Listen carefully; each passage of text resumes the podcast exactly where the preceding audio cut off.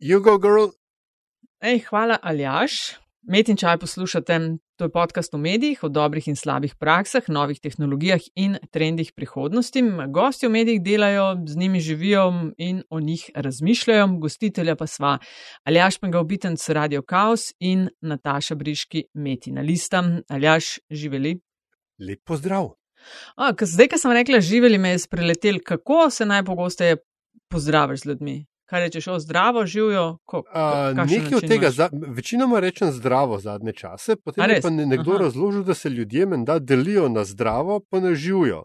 In da tisti, da ekipa zdravo, rata živčna, ko je reče živijo in obratno. Menda, Aha, ne vem, tam. če je res. Morda. Okay. Um, jaz ne vem, evo. Nekaj pa ti, rekla... ti rečeš, že, že živeli. Ne spomnim, zakaj se nekaj živeli, ker sploh to ne vem, če kdaj rečem. A, reče, a, a kdaj rečeš, boh lonej? Uh -uh. mm. Ne, Um, super epizodo imamo danes. Uh, preden z njo začneva, naj samo rečem, da so komentarji in predlogi res vedno dobrodošli. Ali naj jo podsukate za rokav na Twitterju pod Afna Pengovski ali Afna DC43, spremljava tudi ključnik Metin Čaj in pa nas seveda info afna metina lista pika.si. Uh, super, hvala za vse ideje in tudi investicije v naše vsebine, kar se trudva že od vsega začetka in to je aljanž deseta sezona, mar ne? Uh mhm. -huh. Tako, deseta sezona in trinajsta epizoda je, da poskušava pred mikrofon dobiti ljudi, ki um, se ukvarjajo z novinarstvom, z mediji, s komuniciranjem na tak ali drugačen način. In danes bo je z nama Maja Rate. Val 202 bi prav morala reči Radio Slovenija. Maja, zdravo.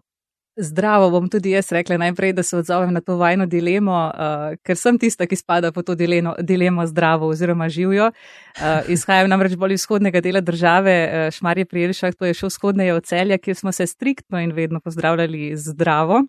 Uh, zdaj, odkar sem pa v Ljubljani in nekako ukleščena med ljudi iz drugih delov Slovenije, je pa kar prišel v, pri meni kar v rabo živijo, ampak me potem vedno pogledajo kot vesolca, kadar srečam kakšnega štajerca, ki mu rečem živijo. Tako da bom zdaj rekla, kar zdravo živijo obema. In ja, um, glede na to, da ustrajam pri dihotomiji zdravo živijo, bom ustrajala tudi pri dihotomiji Radio Slovenija Val 202, ker se nekako čutim um, kot prebivalka obojega oziroma članica obojega.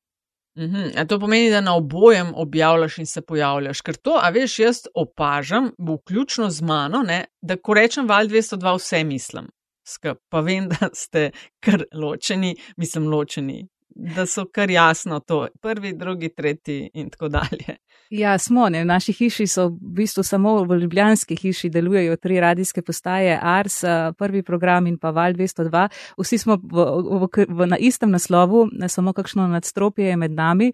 Uh, in včasih ja, so pa meje oziroma so pa razdalje med nami veliko večje kot tistih nekaj metrov, eh, kot smo od, uh, nekako odmaknjeni drug od drugega. Tako da ja, včasih se postaje držijo dokaj ena, ena stran od druge, ampak zadnje čase opažam trend in stremljenje življenje, eh, zlasti našega vodstvenega kadra, potem, da se združujemo, povezujemo, da objavljamo dobre prakse drug od drugega.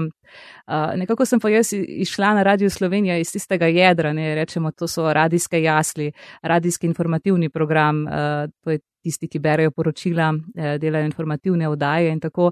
In tam imamo pa itak občutek, kot da je vse od vseh. Ne. Radijski informativni oddaj, eh, program si pa lahko prisvaja vse, objavlja vse, seveda pod izgovorom tega, kar je pomembno, aktualno tisti dan. Tako da sem si ta način miselnosti že zelo zgodaj eh, nekako vzela za svojo in potem sem se kar počutila malce čudno, ko sem prišla na val, ker sem pa opazila, da so nekakšne meje med temi programi in da je treba paziti, kaj kdo objavi eh, ne, in tako naprej. Mm -hmm. uh, Maja, zalažem, sva te povabila, da slišimo vse o tem, kako delaš. Si ena vidnejših uh, ustvarjalk uh, na radiju ali pa radijih v Sloveniji in uh, čudovite stvari počneš za svoje delo. Si bila s kolegi in kolegicami tudi že večkrat nagrajena in naj bo zanimalo delati, pa, uh, delati, slišati, kako stvari delaš, kako razmišljaš o medijih, kakšno vidiš prihodnost. Uh, in tako dalje. Začneva pa vedno met in čaj z enakim vprašanjem za vse. Se pravi, tisti, ki te mogoče ne poznajo najbolje, a lahko nas eh, na hitro odpelješ čez tvojo um, novinarsko kariero. Odkje, kako, zakaj novinarstvo in tvoje izkušnje, oziroma kje vse si bila, kaj vse si delala. Ja, večino svojega novinarskega časa, uh, karijere, bom rekla, uh, se ukvarjam res z radijskim novinarstvom, tako ali drugače. Že kot študentka sem delala tam v prvem, drugem letniku fakultete, v bistvu že prej, ne, že v gimnaziji me je novinarstvo potegnilo, uh, tako da sem se najprej dosti ukvarjala z regionalnimi mediji, tam dobivala tisto osnovno znanje, radio celje je bil tak prvi moj medij, ker sem se srečala z radijem, potem pa sem prišla v Ljubljano in od takrat naprej sem na Radio Slovenija, najprej kot informativka, bravka poročil in informativnih oddaj, kar nekaj let, zdaj pa že tudi kar nekaj let delam na valu 202, kjer pa so moja tista najbolj specifična področja, zlasti znanost, eh, okolje. In pa zdravje, nekako v okviru tega največ poročam. Tako da tisti, ki poslušajo Val 202, prvenstveno me največkrat zalotijo pri teh področjih. Mhm. Ne morem mimo opaske, ne, da očitno si pa radio šmarje pri Jevšah. Uh, Jelšah. Jel, a Jelšah, kako je to zdaj? Jelše, ja, radio Šmarje pri Jelšah in kraj se imenuje eh, Šmarje pri Jelšah in to tudi glavnina Slovenije ne ve in napačno, eh, na, napačno sklanja eh, ne, edninsko obliko, množinsko obliko pomeša in tudi Jelše. Ja, ampak ne vem, tam pa nekako, nekako nisem prišla zraven oziroma sem prej preskočila kar na celje. No, zdaj, zdaj, ker je namreč radio, radio Šmarje pri Jelšah ne, je, je um, ta L oziroma dvoustnični V me pol vedno matra. Skratka, ta radio dolgo časa velja za enega, eno najboljših regionalnih postaj. Najverjetneje še velja, ja. no, ima iz, izjemno dolgo tradicijo, je najstarejši lokalni radio v Sloveniji, s tem se radi pohvalijo in mislim, da uh, so najverjetneje ravno ti radici na radio Šmarje pri Jelšah krivi za to, da imamo naprimer na območju Šmarja pri Jelšah nadpovprečno veliko novinarjev, ne, ki se danes najdejo v takšnih in drugačnih medijih, od tega, da ustvarjajo na televiziji, v piše za časopise, do tega, da smo zašli na radio. Skratka, ravno pred kratkim smo se pogovarjali, da bi morali v Šmarju narediti en tak uh, skupinski miting vseh novinarjev, ki izhajajo iz Šmarja. In nas je, v bistvu nas je res kar nekaj. Ne? Evo, ampak nečisa dru, mimo nečesa drugega ne morem. Popravi mi, če se motim, ampak se mi zdi, da je tvoja, tvoj, kaj to, karjerni trajektorij ne, v lepi slovenščini obraten od tistega, od, od večine, ali pa vsaj večine radijskih novinark in novinarjev, s katerimi se mi dva pogovarjava. Namreč začela si v informativnem programu in potem šla na val, v tvojem primeru. Ne. Mnogi začnejo kje drugje in jim je informativni program uh, višjih karierov, vsaj do, do tedaj. Ne, v bistvu na Radio Slovenija je eh, na nek tak, je tak trajektorij, ki sem ga jaz naredila, kar običajen. Zato rečejo tudi našemu informativnemu programu, zlasti temu se reče dirne. To je dnevno ja, informativni ja, ja. program, ta pogon, ki nekako vse čas poganja, poganja nove in nove novice, informativne vdaje in tako naprej. Tukaj res pride veliko mladih zraven, eh, s pomočjo audicij jih sprejemajo in potem se ti mladi prerasporejajo tudi drugam po hiši. Grejo prav v informativni program, eh, ne vem, za aktualno politiko politično dogajanje pokrivajo, zunanje politično dogajanje, pogosto krat grejo v šport um, in tako naprej. Ne. E, tako da ja, je ta, tra, ta trajektorij kar tipičen, zlasti zaradi tega, ker je tam zelo, zelo taka ostra šola radijskega jezika, radijskega opovedovanja. Tisti, ki gre skozi šolo, dira, zna dobro, zelo, zelo dobro napisati vse te osnovne žanre za radio, kot so vest, eh, poročilo, poročilo z izjavo. Eh, tudi v jeziku nas eh, kar do dobra oklešajo in izklešajo v tistih prvih letih in tudi seveda ten govor na nastopu. Vsak ima najmanj leto do leto pa pol dolgo šolo radijskega jezika. Res pa je tudi to, da ima pa val kot tak, ne, oziroma vse te, vse te redakcije na Radio Slovenija, ki nekako delajo veliko z mladino, imajo pa tudi ločen trajektorij, kar pomeni, da sprejemajo svoje mlajše kadre naravnost, naprimer iz eh, študijskih klopi in jih uvajajo prav v svoj specifičen način mhm, opovedovanja. Ne. In to je za val zelo značilno, da dobivamo veliko mladih naravnost, eh, recimo z teh novinarskih študij in sorodnih ved in jih potem nekako prilagodimo, pri, priredimo za to, kar val 202 pravzaprav je. Tako da mnogi pa potem obidejo to radijsko informativno šolo in grejo naravnost tja, kjer so. A vidiš, Nataša si opazila, A. kako sem ufuril besedo trajektorije? Ja, no, krasno je ratela. To, to, to je to zdaj. To je to. Uh, eno vprašanje, ko si omenila, da te seveda obrusijo tudi, vem, govorno na radiju, uh, česa so morali tebe obrusiti, ker vsi, ki prihajamo iz različnih delov Slovenije, ne zgolj, ne vem, Ljubljane, pa tudi iz, tisti iz Ljubljane, je ponavadi nekaj, čez, na čemer je treba delati. A ja, pri imela kaj. Ja, oh. ja, jaz sem pač uh, še, kozjanka ne? in uh, tam govorimo še malce bolj drugačno štajerščino, uh, kjer, so, kjer je velja drugačna logika izgovarjanja. Ejev, ojev, in tako naprej. In včasih uh, sem. No, da povej par primerov. Ne, res, čistko me zanima. Ker jaz, recimo, vem, ker sem šla študirati v Ljubljano, jaz se nisem mogla načuditi, kako ljudje ne vejo, da je mi kuli. Noben ni vedel, kaj je kuli. Kak, no, kaj, kaj, kako, kaj kako to misliš, kuli? Ne, ne, pardon, eh, no, noben ni vedel, kaj je kislina. Je, mi smo govorili, kuli v kislina, ne mi kislino. Noben živ Kristus ni vedel, kaj je kislina. No, dobro, to nima veze z govornim izobraževanjem, ampak tako, no, me čist iz Ferbca zanima. Joj, zdaj bi se kar težko spomnila kakšnega primera. Okay, no, ampak, če se vmes spomniš, pa povej. Um, ne vem, recimo, pri nas smo eh, zelo tak značilno, da včasih na, na, poudarimo prve zloge, ne vem, prišel, uh, kot prišel. In je ta prišel je bil pri meni bolj tipičen, ne tudi če sem pravilno rekla priš, pri, z ustno ustničnem, kakorkoli se temu lejo reče, eh, sem ga naglasila na napačnem delu besede, ne? prišel na mesto, mm -hmm. prišel in podobno. To je za en tak, ne vem, prvi prav, prvo prav. stvar, ki se jo spomnim. Ampak skratka, šlo je za te kakovost teh izgovorjenih uh, vokalov, predvsem na, na nepravih mestih sem jih poudarjala. A pa, ko greš stran od mikrofona, preklopeš na kozjansko opcijo, ali so te uničili. Predvsem, kadar se res zapeljem čez trojane, grem na, uh, na kozijansko opcijo, takrat, kadar se čutim med svojimi. Um, vem, da kadar govorim starši in je, ko je moj partner, na primer, prvič slišal moje starše, je rekel, da mojega očeta nič ne razume. Tako da, ja, meni se sicer ne zdi, ampak um, ja, je kar specifična ta govorica in predvsem v, med koronskim obdobjem je bilo res zanimivo, ker se je našla ena spletna Facebook stran uh, Šmarski Argo, ne Argo. Uh, kjer, smo, uh, kjer so, bom rekla, uh, zelo uh, žmohtno popisovali to našo šmarščino in smo se krohotali doma, ko smo brali to. Tako da priporočam Facebook stran Šmarski Argo, ne Argo. Okay. Nisi pa ena stvar še na začetku povedala. Ti si bila skozi šolanje zelo huda matematičarka, pobirala si medalje na veliko. Kaj je pol prevagal, ko si se odločila, kaj študirati, da si se odločila za filozofijo in novinarstvo? Je bil kakšen dogodek, ali si videla sebe, ne vem, 10, 15, 20 let v prihodnost, to hočem delati, zato grem na novinarstvo? Ja, jaz sem v bistvu vse me je zanimalo v šoli, ne samo matematika, ampak vse. Eh, tak eklektik sem bila od eh, zgodovine do matematike, do slovenščine, mogoče še najmanj angliščina. In ja, matematika mi je bila med najbolj ljubimi, zlasti zaradi logike mm, in pa tega načina razmišljanja. Res sem se odlično počutila, ko sem reševala matematične naloge in včasih sem šla zelo pozno spat, ker sem jih, ne vem, ker sem, mi niso dale spati in sem pač, ne vem, tudi kot ena 13-14 letnica tam pisala do enih po noči in potem prespala in potem zjutraj letela z rešitvijo v glavi.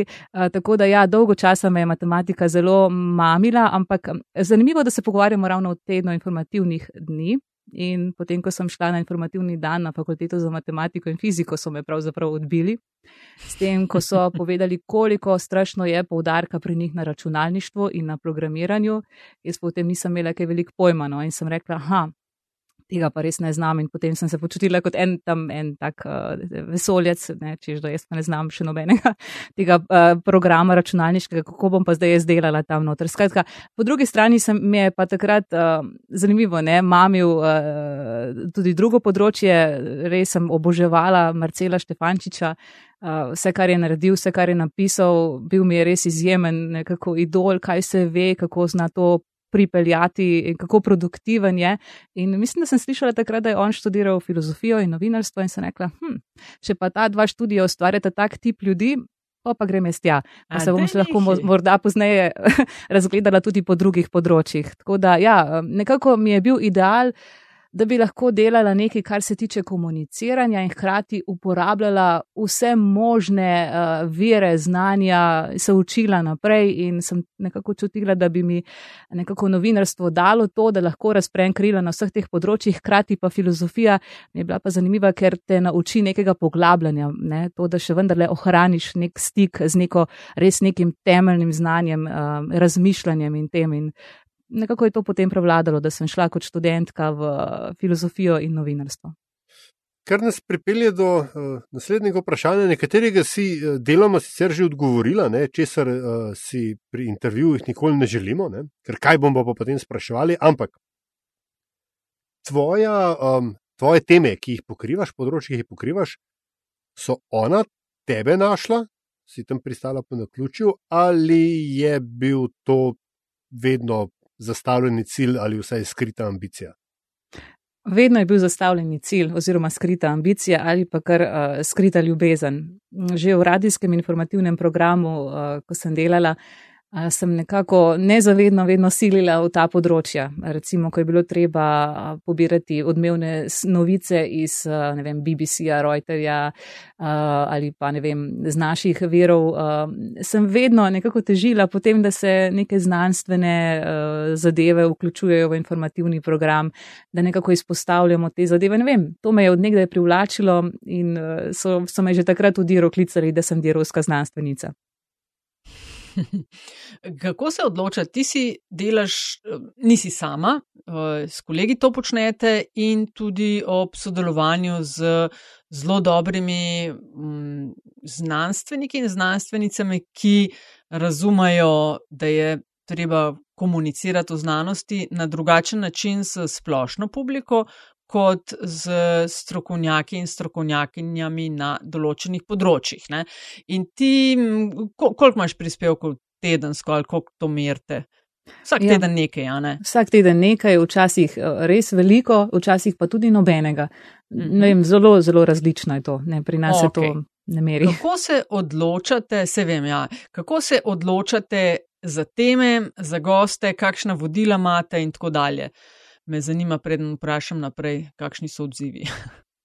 Ja, glede tem se odločamo po tistem, kar je ta hip aktualno, ne? glede na to, da smo še vedno radio, ki je nasledi za aktualnimi um, novimi stvarmi, ki nekako zadevajo tisti hip, tisti, tisti prostor in čas, v katerem smo. Tako da ja, tisto, kar trenutno odmeva, kar je trenutno pomembno, je absolutno nekaj, kar je v naši domeni. Um, hkrati pa vedno premišljujemo tudi to, kar je nasploh pomembno za življenje pač slehrnika, ki nas posluša, ne? nekaj, kar je širše pomembno, vem, ki, kar zadeva vem, uh, življenje posameznika, njegovo prihodnost, uh, to, na kakšen način se odloča in podobno. Tako da vedno pogosto kakšne zdravstvene teme so nam okoljske teme, informacijske teme. Um, take stvari. No. Tako da, če pogledate naš nabor tem, ki jih dajemo iz stališča znanosti, so res zelo, zelo široke. Od vesolja do genov, do virusov, uh, do plastike in tako naprej. Uhum.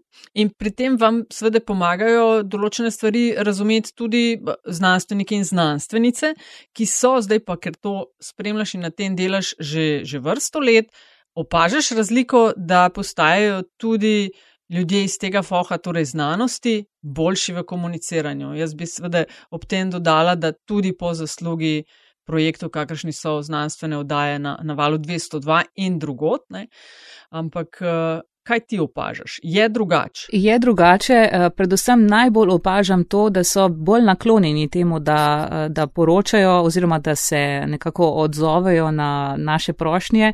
Nekako to skoraj da ne pride, ne, naj, ne dobim več odziva, da bi rekel nekdo, da tega ne bo naredil oziroma da naj grem nekam drugam oziroma da se ne čuti kompetentnega in tako naprej.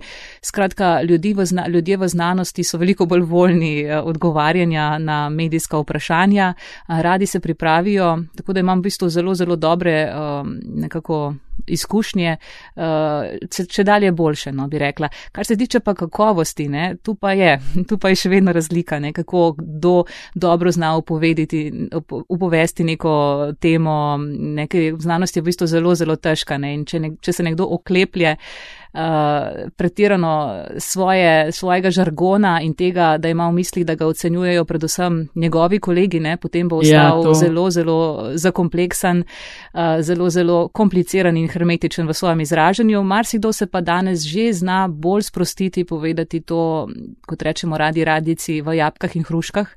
To pomeni na enostaven način, ki pa še vedno drži vodo. Ne. Je pa tukaj, ja, terja nekaj poguma. Eh, strani uh, znanstvenikov, da si upajo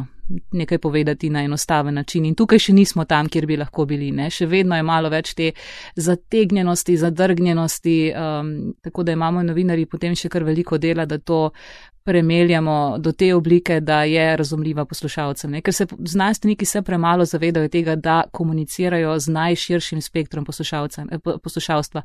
Jaz jim vedno rečem, ne predstavljajte si, kdo je ta vaša publika, ne? da to so ljudje, ki nimajo včasih niti osnovnega pojma o nekih znanstvenih področjih, kaj, kaj šele v tistih oskih specifičnih poljih, na katerih oni raziskujejo. Ne? Naj se dajo v to kožo nekoga. Kajti, če ti, če tvoje sporočilo ne doseže tega, tega človeka, potem je to sporočilo za manj. Ne? In nekako moramo težiti k temu, da smo razumljivi. To je pač aksijom številka ena, da, da smo razumljivi najširšemu krogu poslušalcev oziroma pač bravcev oziroma odjemalcev nekakršne koli informacije o znanosti v medijih uh, in šele na to gradimo na recimo zahtevnosti tega. Ne?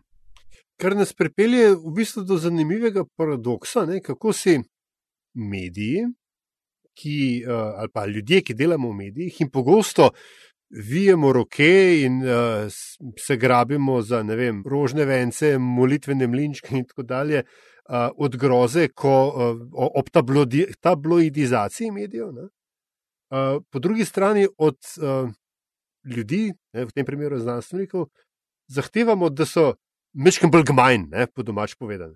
Uh, a je tukaj neka pa, ironija, no, vsaj v končni fazi. Ja, ja po, vem, vem, vem, na kaj meriš, ne, da se v medijih vse vedno bolj posplošuje in vse postaja paušalno in površinsko. Ne. Od znanstvenikov pa zahtevamo ravno to.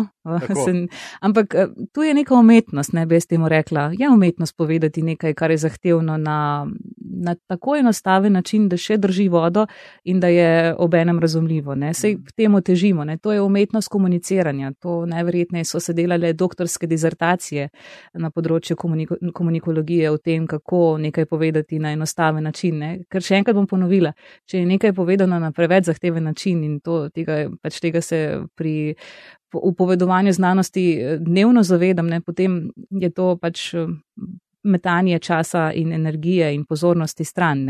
Um, ja, je, pa, je pa treba pač vedno paziti, ne, da ne zdrsnemo na to, na to populistično stran oziroma to, kjer se preveč posplošuje, preveč poenostavlja, infantilizira, bi lahko rekla, informacije.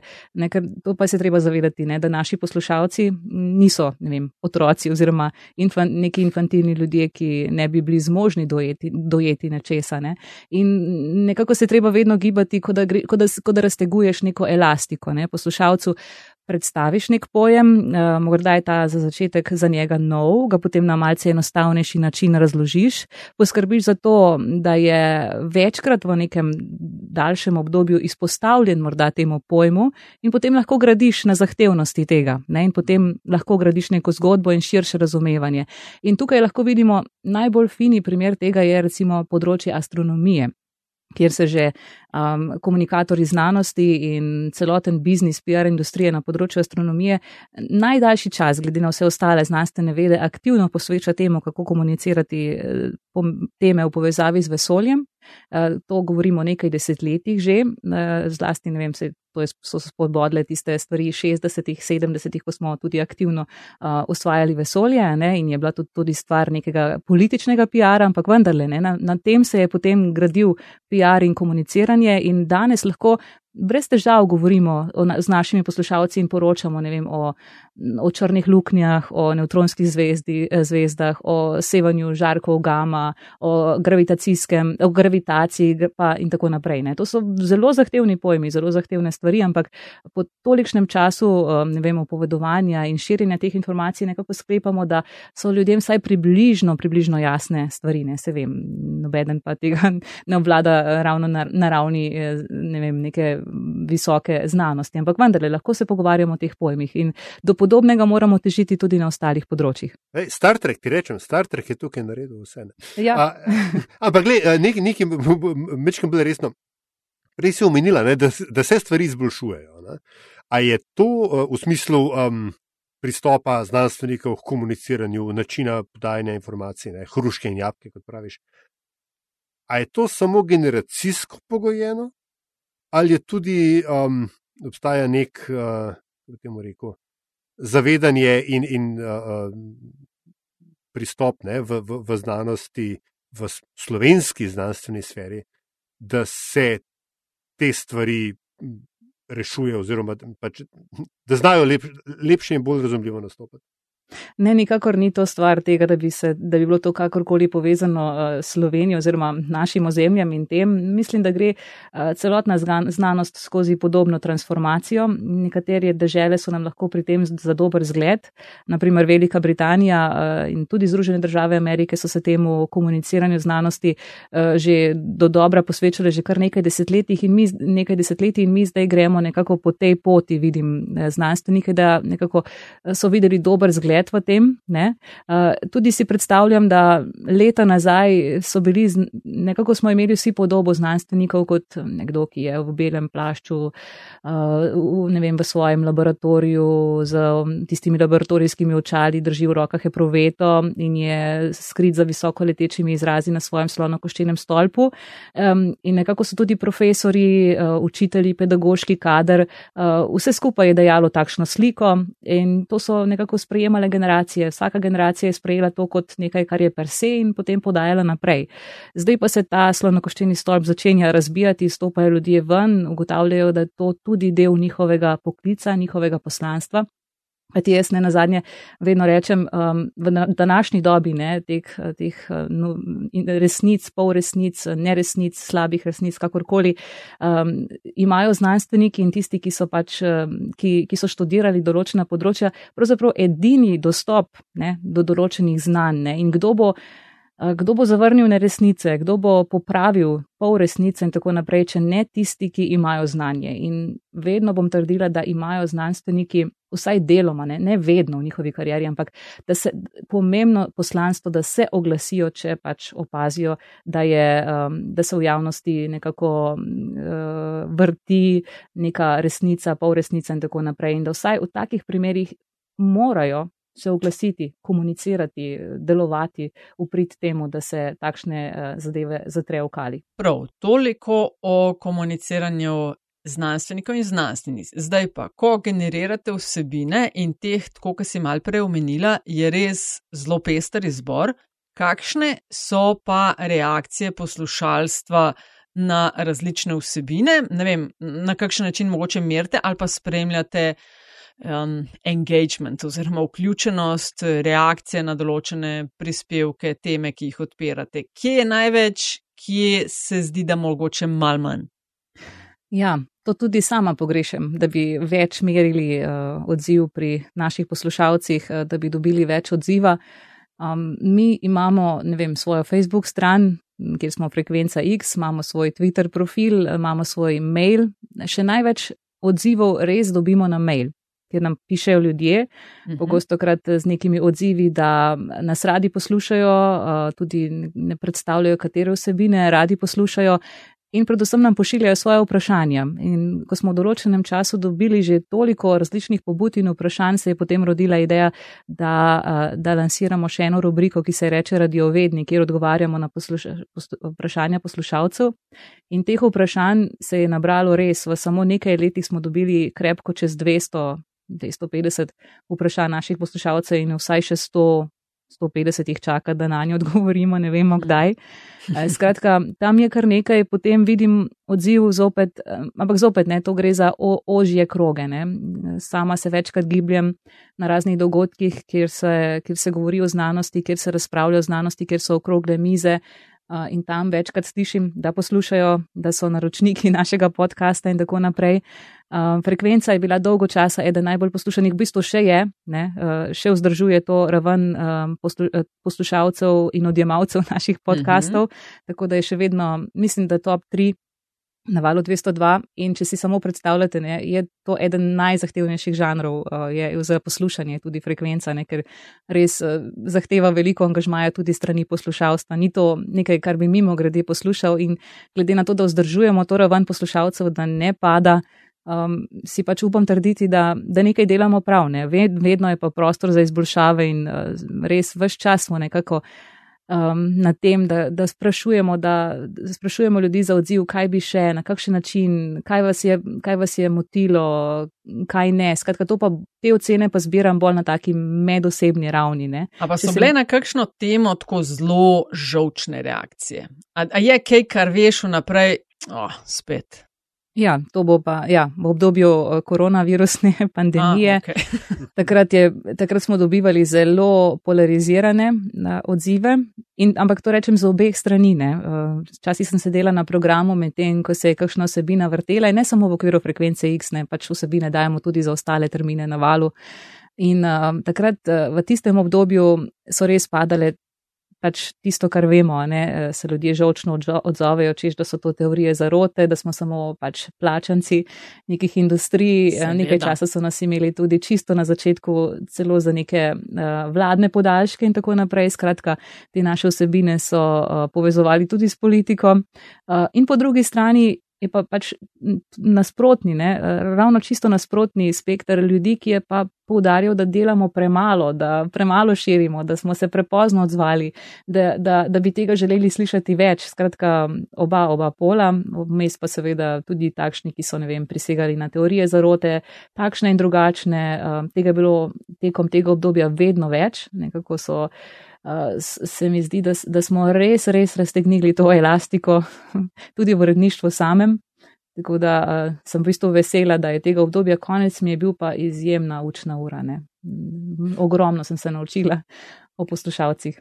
Lej, se veš, kaj pravijo, uh, ni paranoja, če je res. Uh, ja. Ampak uh, sem te hotel ravno na to temo vprašati. Ker uh, po eni strani, uh, lej, uh, super, delate odlični pristopi, odlične vsebine, zakon. Ampak oblikovati, urejati, objavljati oddaje, podkaste, tematske, programske vložke. Ne? To je v bistvu z vidika radijskega ali medijskega dela zelo fino, ne? ker ti imaš a, a, svoj mehen prostorček, vrtiček, sodeluješ z drugimi, ampak ti delaš svoje.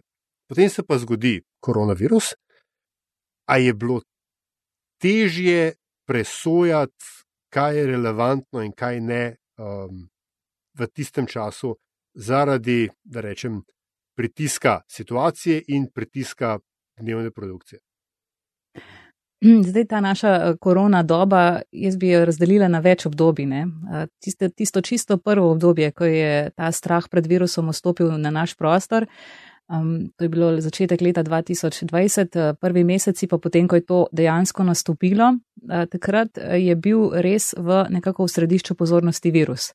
Virus kot sovražnik, uh, skušali smo ga dojeti, kdo to je, kaj je, kaj dela, kaj počne na zdravju, uh, kako poteka bolezen, kako ga lahko zdravimo in tako naprej.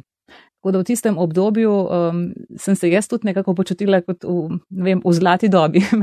Takrat mi je bilo odlično, ne, ker točno to rada počnem.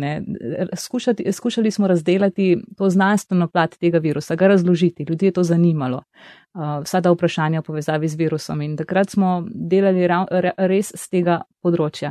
Potem pa se je ta korona doba odvrtela in odstrla v vsej svoji razsežnosti. In takrat so na to bojišče oziroma to areno stopile tudi druge discipline, drugi, drugi pomisleki, drugi pogledi. Začeli so se ti dvomi, začele so se te teorije zarote, začela se je ta percepcija, živčnost pri ljudeh in tako naprej. Skratka, en popolnoma drug vidik tega, ki je, ne, ki je pa potem rezultiral v. Pač v tem, kar smo potem videli v slovenskih medijih. Ne. Eni so se držali kot pijanec plota in so šteli obolele, uh, Um, drugi so pa nekako iskali tudi druga nišna področja, to bolj družboslovno pristop in tako naprej. In sama sem potem, ko se je ta doba iztekla, uh, tudi na ravni uredništva videla ne, to potrebo, da smo se razdelili, ne, da nekdo, ki pokriva to znanstveno plat korone, ni nujno nekdo, ki bo pokrival pa ne vem, to bolnišnično ali pa ne vem, zdravstveno kot tako, ne, kot zdravstveni sistem ali pa kot ne vem, percepcija pri ljudeh, pa teorije zarote in tako naprej. Skratka, um, to sem ugotovila, ne, da, da, da, da, je, da je zahtevalo veliko različnih uh, profilov novinarjev z drugačnimi afinitetami oziroma drugačnimi pogledi tudi in tem, kar pokrivajo. Ne. Tako da ja, začetek korona dobe mi je bil zelo všeč, eh, potem pa, potem pa je postalo kar mal bolj napeto. Zato, ker so od nas, ki pokrivamo znanost, pričakovali, da bomo pokrivali tudi vse ostale aspekte ne? in eh, so nas večkrat dajali tako kot kar pred zid, čež da, da smo zdaj, eh, da širimo ne vem, neresnice ali da, da premalo govorimo o nečem. Skratka, potem sem se počutila kot v eni taki zelo nekonformni, neudobni eh, poziciji. Ko sva ravno o, o, o, pri tem. Oprosti, samo vizavi koga. Ja, recimo v marsikakšnem uredništvu je bilo podobno kot nasploh v družbi. Uh, smo se uh, delili glede te svoje eh, percepcije koronavirusa, tega, kaj je storil v družbi, eh, koliko o tem govoriti in tako naprej. Uh, tako da mislim, da pač v, na, tudi v našem in pa v ostalih uredništvih mhm. je bilo podobno, ne? da smo pač samo ljudje, ki imamo različne, ki smo bajastne. To pomeni, ja, ja. da imamo različne pristope, poglede na to. Uh, in takrat sem pač poudarjala, ne, da vsak naj naj, naj, naj pokriva tisto, za kar je zadolžen, oziroma kjer se čuti močnega. Ne? Stay in your lane. Ja. Oprosti, prekinil sem te. Ne, ne, kar kar. Ja, ne, ne, Veš, kaj sem. Sorry, sorry, sam, sam še to, Nataša, se res ja. upravičujem. Ampak. Um, Kaj pa, uh, namreč mislil sem, da, da, bo, da bo tvoj odgovor šel v smeri um, odnosa javnosti do medijev, ne? ker ta je, um, se mi zdi, v zadnjih dveh letih um, strmoglavo. Bit, biti novinar že dolgo ni več um, nekaj, če mora ploska splošna javnost. Ne? Se mi zdi pa, da je v času uh, koronavirusa in vsega, kar je pač to skupaj zavo potegnilo, je pa občasno to lahko celo, uh, kaj, skoraj psovha. Ja, res je. Na nek način, um, če omenim, da sem novinarka, to nikogar več ne impresionira. Uh, ne vem, ljudje so postali, jaz bom rekla, prej brezbrižni do tega, kar uh, počnemo. Ne? Zato, ker ne, zasičeni, na, zasičeni uh, z vsemi informacijami, ne smo samo še delavci v vrsti, ki ponujajo nove in nove menije informacij. Da, in pač hvaležni smo tistim, ki so nam nekako vdani, ki, ki, so, ki nas poslušajo, ne vdani, to je zelo slaba beseda, ki, ki so nam zvesti ali pa ki se radi zanesejo na nas. Eh, in, ja, in na nek način se mi zdi, da se zdaj ustvarja kar neke vrste trend oziroma pogled naprej, kako bo to potekalo naprej ne, v tej m, dobi prezasičenosti iz vseh koncev, neko nam bo še umetna inteligenca lansirala. Uh, novice, um, da boš mhm. pač rabu nek svoj krok poslušalcev, ki ti bo zaupal. Ne? No, kar sem pa jaz želela dodati k tej debati, pa je, pred leti si v podkastu številke uh, omenila, da se kot novinar oziroma novinarka človek vse čas giblje na tanki liniji, da ne postaneš po eni strani aktivist za svoje področje, pa znaš ohraniti, si rekla, to neko svojo držo podajalca informacij, pa da nisi navijač. Ne? In to seveda vse drži, po drugi strani pa, ko veliko prebereš, ko veliko veš o eni stvari, ko veliko vidiš, je težko biti samo spet um, podajalka informacij. Uh, Jože je rekel to, Marička pa to. V eni fazi je treba reči, Jože ima prav ali pa Marička ima prav. Ne? Eh, kako se ti s tem, mislim, kako se spoprijemaš s temi izzivi, ki so, vem, da vse čas, ne? konc koncev tudi to obdobje COVID-a je bilo eno takšnih. Ne? Ja, res je. Mm. Ja, v bistvu, eh, ja, še vedno sem na nek način podobnega mnenja ne? in me skrbi, da kdaj ne bi postala preveč aktivistična. Eh, najverjetneje so to pomisleki slehrnega novinarja, ki se morda bolj specializira za določeno področje, kjer prihaja v stik redneje z določenimi ljudmi in ima nekako svoje kroge, v katere se zateka po informacije, uh, ki jih sprašuje za mnenje ne, in potem seveda lahko postanejo določeni uh, krogi in poznanstva bolj družinski, prijateljski in tako naprej in moraš vse čas nekako biti, vzdrževati to higieno novinarstva, da, ne, da veš, kje so meje in tako naprej. Je pa hkrati dobra plat v tem, da si specialist oziroma da si doma na enem področju bolj kot na kakšnem od drugih, temu, da pač nekaj, ne, nečemu slediš na daljši rok. Poznaš ljudi, imaš z njimi izkušnje in lažje presodiš in lažje vzpostaviš neko kritično distanco. In to se zdaj, recimo, tudi pri poročanju v zvezi z mediji, kar pogosto v zvezi z znanostjo kar pogosto dogaja. Namreč v tem, da nam zadnje čase ta če dalje močnejša PR industrija na področju znanosti lansira praktično vse oziroma ogromno, ogromno, ogromno stvari.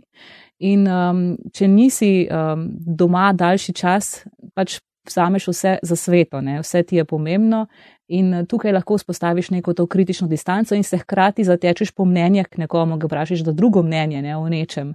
In eh, tukaj absolutno ta, eh, bi temu rekla, pristranskost, ne, to, da si pač malce bolj doma na tem področju, je prednost. Mm, je pa, še, je, je pa vedno, ne, jaz se zelo, zelo bojim tega, da bi mi kdo učitelj aktivizem, pristranskost. Um, kaj bi pač... razumela kot aktivizem, recimo? Uh, kaj tisto, kar si zdaj omenila, da se res zelo bojiš? Uh, če si mogoče mečkam bolj konkretno, da si znam malo bolj predstavljati, kaj bi se tebi zdel aktivizem, ne rabiš uh, s prstom kazati na taj pa aktivist v medijih in tako dalje, ampak kaj ti, bi ti videla kot aktivizem? Recimo že to, ne, da kako, kako pravzaprav poročamo o znanosti. Ne, uh, pogosto, kad jo skušamo popularizirati ne, in govorimo, naši znanstveniki so dosegli to, naši znanstveniki so dosegli to, uspelo nam je to.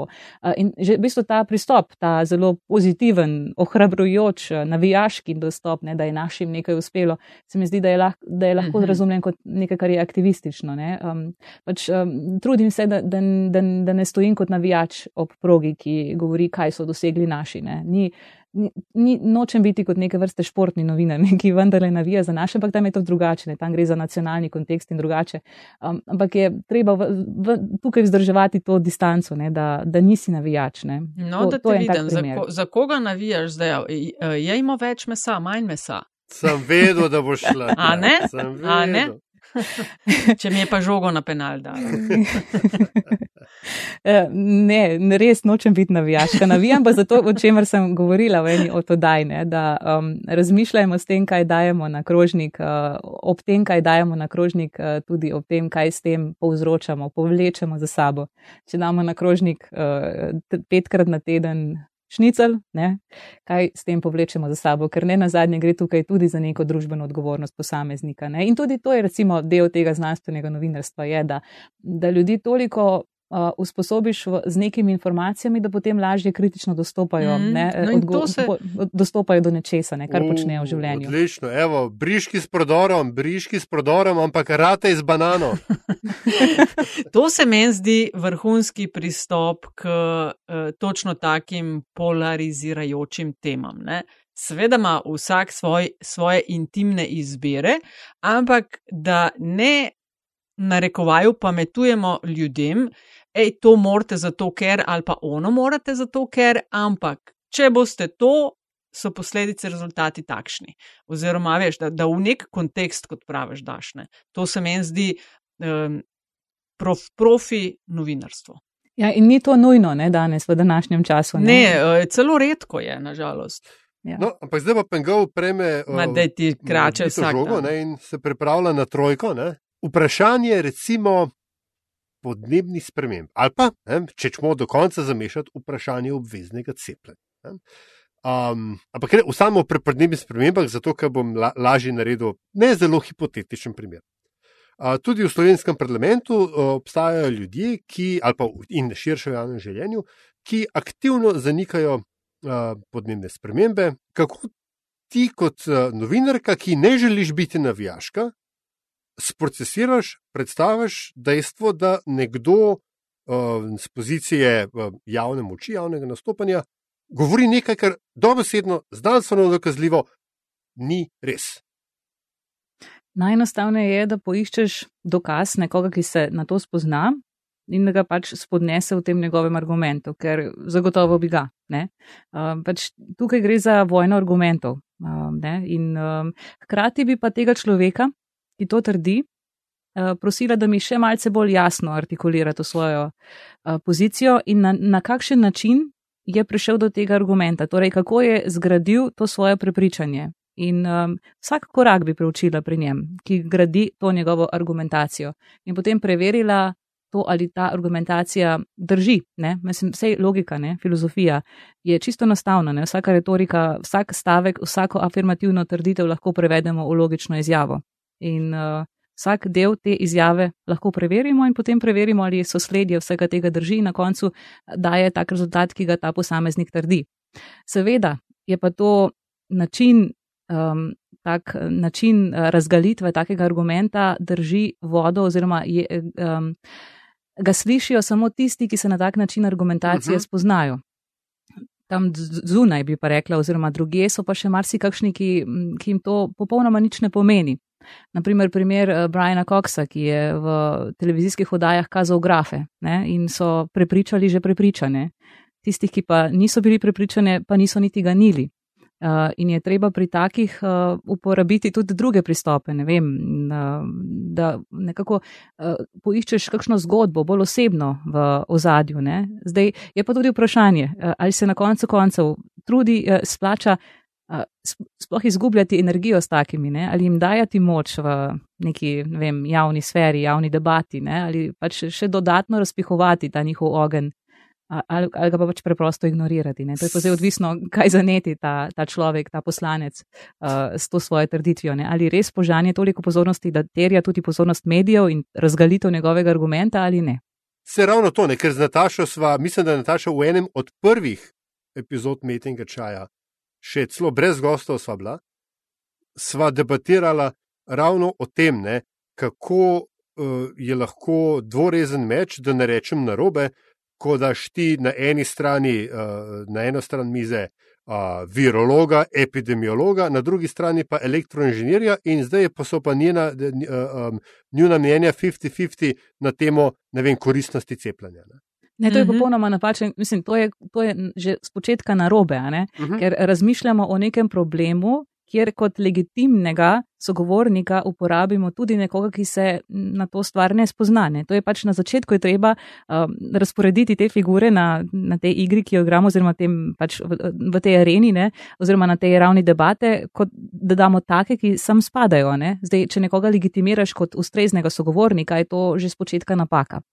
Je pa kot druga stvar, je, je pa zelo pomembno, da se odzivamo na napačne trditve, ki krožijo v javnosti, ne? na trditve, ki ne držijo, ki so napačne, sploh v današnjem obdobju, kjer, eh, kjer, eh, kjer res postajamo, ker vse bolj preslišimo recimo, eh, prave, prave trditve, prave argumente in tudi tiste ne, tudi tiste, ki niso in recimo pademo na limanice teh, da se razgalja uh, argumente za, v, v zadju za njimi, zakaj ne držijo, da ljudi vse čas opominjamo na to, kako je pomembno zdrževati neko kritično distanco, da vendarle pristopamo kritično do tega, kar poslušamo. Ne? In tukaj je tudi naloga medijev, ne? da, da vse čas razgaljajo nekaj, kar ne drži, kar se napačno podaja v javnosti. Na tak način tudi vzgajamo uh, poslušalce oziroma sploh medijske um, konzumente v tem, da, da podobno razmišljajo, da prevzemajo podoben način razmišljanja. Lepo si to obesedila in ko sva tu, že kar nekaj časa delaš na radiju, veš veliko stvari, dobro s kolegi opravljate svoj posel, kako pa ti, kako Maja Rate vidi um, razvoj radija, prihodnost tega posla. Kaj bo treba znati čez deset let, ne vem, po tvojem, v katero smer gremo? Ja, v katero smer gremo. Mi se tukaj počutimo kar varne.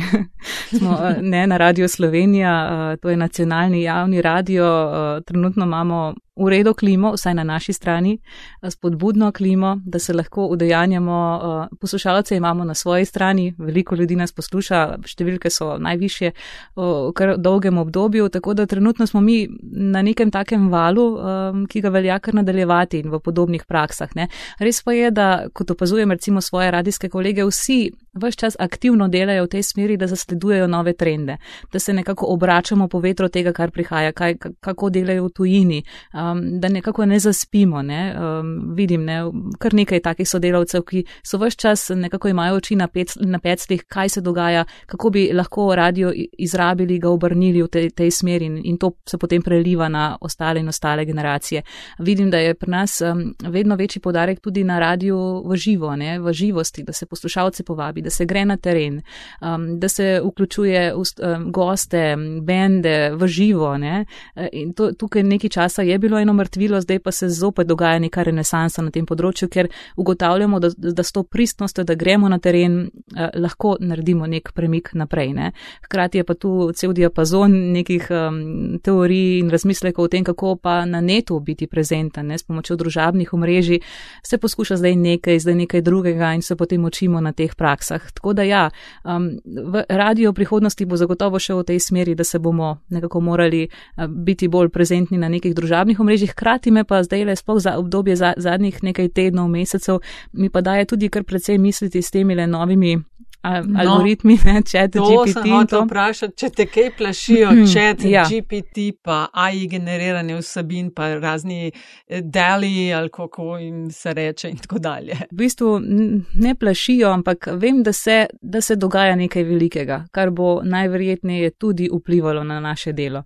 Um, vem, mislim, zdaj za enkrat ti algoritmi, ta chat, uh, chat GPT, um, mislim, da odjema neke informacije oziroma podatke uh, iz teh eh, baz, ki so nekaj časa starija, ne, niso niso bili včeraj, oziroma ne jemljajo jih od včeraj, oziroma od tega, kar se generira ravno kar. Ampak če si lahko samo predstavljamo, da bodo, da bodo to generiranje vseh, ne, vseh informacij, odgovorov in tako naprej uporabili to, kar se dogaja ravno kar, potem bo nekaj najbolj naravnega, da, da bomo lahko te osnovne novice, ki jih imamo na radiju, prepustili umetni inteligenci. Sama vem, ker sem pisala novice, uh, recimo v, v informativnem programu zelo dolgo časa in mislim, da bi neka umetna inteligenca iz um, pač nekih virov, ne, Reuters, uh, ne vem, BBC in tako naprej, zlahka uh, nekako potegnila bistvo in v neki takem, nekem takem čisto tehničnem jeziku ubesedila novice. Tu se mi zdi, ne, da, da more biti bomo šli v tisto smer, oziroma me prav zanima, kdaj bo prvi tak medijski poskus nastal, ko bomo lahko poslušali neke uh, generirane novice, ki jih je spisala umetna inteligenca. Ker če že piše pesmi, mhm. verjamem, da, bodo, da bo najverjetneje tudi neke gole novice, uh, ki bodo pač vsebovali neke fakte iz uh, baz podatkov, ki uh, se bodo najverjetneje lahko lahko preverili eden v drugem, da bodo te novice lahko nastajale. Ne? Zdaj, najverjetneje pa bo nastal nek nov tip medijskih delavcev, bi temu rekla, ki bo bolj izpostavljen v prihodnje, ravno zaradi tega, ker bi lahko prepuščali generiranje nekih novic, recimo umetni inteligenci, bo pa na drugi strani morda nastajal ta tip profil novinarjev, ki bodo proofreaderji, ne? ki bodo brali. -huh ki bodo preverjali resničnost vsega. Ne? Ker eh, če, če to združimo še s temi generatorji govora, si lahko predstavljamo, da morda bodo v neki prihodnosti, da bo umetna inteligenca napisala novico in jo bo potem nek pač program tudi čisto izvrstno obesedil. Um, vem, da je to strašljivo, ampak um, predstavljamo si neko obdobje, ne vem, ko je Morsi izumil telegraf ne, v 18. stoletju, kje smo zdaj, Ne? In imamo občutek, da smo v zvezi s to umetno inteligenco in s tem, kako nam pravzaprav oblikuje uh, sporočila, tekste, oblike in tako naprej slike uh, na začetku nečesa tudi velikega, kar bo morda čez generacijo dve uh, popolnoma spremenilo naš vsakdan in dojemanje vsakdana. Ja, napovedovalec in napovedovalka sta verjetno ogrožena vrsta, medtem ko urednik, urednica, novinar, novinarka pa gotovo ne. ne. Absolutno ne. Um, pač, ker umetna inteligenca za zdaj nima nekega odnosa do tega, um, kako, uh, kaj je res, kaj ne. ne? Mhm, mhm. In uh, tukaj bo absolutno treba imeti vmes nekoga, ki bo to preverjal. Kdo pa tebi pomaga se odločati, urednikovati, uh, oblikovati vsebine, ali si čist za vse sama? Oh, tu smo pogosto krat preveč za vse sami, ne? Eh, nam kar prepustijo. To, eh, tukaj je res vlada avtonomija, novinarska avtonomija, ampak eh, sama vendarle se rada odločam po drugih medijih, ki jim zaupam. Mm, to je najprej, to pomeni, um, pogledam te, ne vem, zlasti Nature mi je zelo, zelo blizu, ali pa vem, Washington Post, tudi BBC, Atlantic in tako naprej in vidim, kakšne teme tam dajo v, v, v ospredje, na kakšen način se jih lotevajo ki je na kakšen način um, oborijo tisto problematiko osnovno, ki se jim zdi pomembna. Na domačem področju pa pogosto krat sprašujem za mnenje. Nekaj ljudi imam v znanosti, ki so mi blizu um, in jih te pogosto krat podsukam in vprašam. Vem za mnenje od, od tega, kako dobro, mislim, kaj dejansko pomeni delo nekega znanstvenika, kam ga umestiti, ali je vredno temu posvetiti pozornost in tako naprej. Tako da to na tak način najbolj. Oprosti, a si, a si res rekla, da oborijo? Ja, to sem. Oboriti Boga me še. Ne, ne, ne, ne. Ob, o, o, to je tisti kemijski postopek, kaj že. Vem, da oborina obstaja, sem se zdaj ne morem točno spomniti, kako to poteka. Tako da prosim, da se tukaj zagovarjaš na licu mesta in to pojasniš. ja, to je tisto, kadar recimo imamo um, zmes, recimo da rečemo, da imamo zmes različnih tekočin in snovi v, v, v neki, ne vem, posodi in potem od vrha poberemo tisto, kar je na vrhu, oborimo tako, tisto stran. Tako, tako, ja, Recimo ja, ja, maščobo ja, ja. oborimo uh, iz vode in tako naprej. Maščoba priplava na vrh v vodi in potem to damo stran. Jaz upam, da si prav razlagam ta pojem. Si, recimo, ko župo skuhaš, pa je daš na hladno, pol tista mast priplava na vrh in to lahko pol tako, kot en klobuček daš stran. Tako. Ob, oboriti. Ob, oboriš. Oboriti, oboriti, oboriš. Maja, super je klepetati s tabo, a obljubiš, da prideš še kdaj, ker zdaj moramo pa piko počasi postaviti. Absolutno, z veseljem. in piko zalažem podcast Omet in čaj, vedno postaviva tako, da gosta oziroma gostje vprašava, da z nama deli kakšno zanimivost, anegdoto, zgodbo, nekaj, s čimer um, želi končati epizodom, podatki, ne vem, informacije, za katere meni, da jih veliko ljudi ne ve, pa bi jih znal zanimati. Izvoli. Ja, jaz sem kar razmišljala, kaj naj povem, pa bom uporabila tisto, kar sem sicer že v številkah, glede na to, da si poslušala oddajo, bom še enkrat povedala, ampak marsikdo od tega o meni ne ve, tudi v uredništvu ne. Uh, da sem pred nekaj leti uh, prehodila kamino, m, približno 900 km od uh, francosko-španske meje pa do Atlantskega oceana. Tako da to je bila ena taka zanimiva izkušnja štiri tedenske hoje v samoti, bom rekla. Sama. Sama sem se podala na to, absolutno. Koliko si imela povprečje dnevno? Uh, približno 30 do 35 km. Puh, vsak dan tri tedne skup, brez pauze. Štiri tedne skupaj, vsak Štiri. dan na koncu. Na zač začetku začneš približno 20-25 km, potem pa brez problema dosežeš tudi 40. O, M, B. Um, Maja, najlepša hvala um, za to zanimivost in ker si bila gostja podcasta Met in Čaj, številka 249. Um, vse dobro pri tvojem delu. Hvala lepa. Hvala ti, srečno. A ja, a, kako, a kako pa rečeš tako, da rečeš srečno, nasvidenje, kako, kako, kako smo že začeli z živijo pozdravom? Mm, misli, mislite v, uh, na radiju ali v mailu ali uh, v takole medosebnem kontaktu? No, no, no, ja, pa smo tam, ne? prosto, prosto. Ne, bi pa rekla nekaj drugega, ne? uh, ja, samo še ja. tole. Na koncu uh, res ne maram ljudi, ki mi pišejo maile, da se niti ne podpišejo ali pa ne rečejo samo tisti LP, ker sama se striktno trudim, da vedno zaokrožim s kakšnim pozdravom, lepo se mail, lepo se bodi, vse dobro. Tako da vse dobro bom zaželela. Hvala ti, srečno.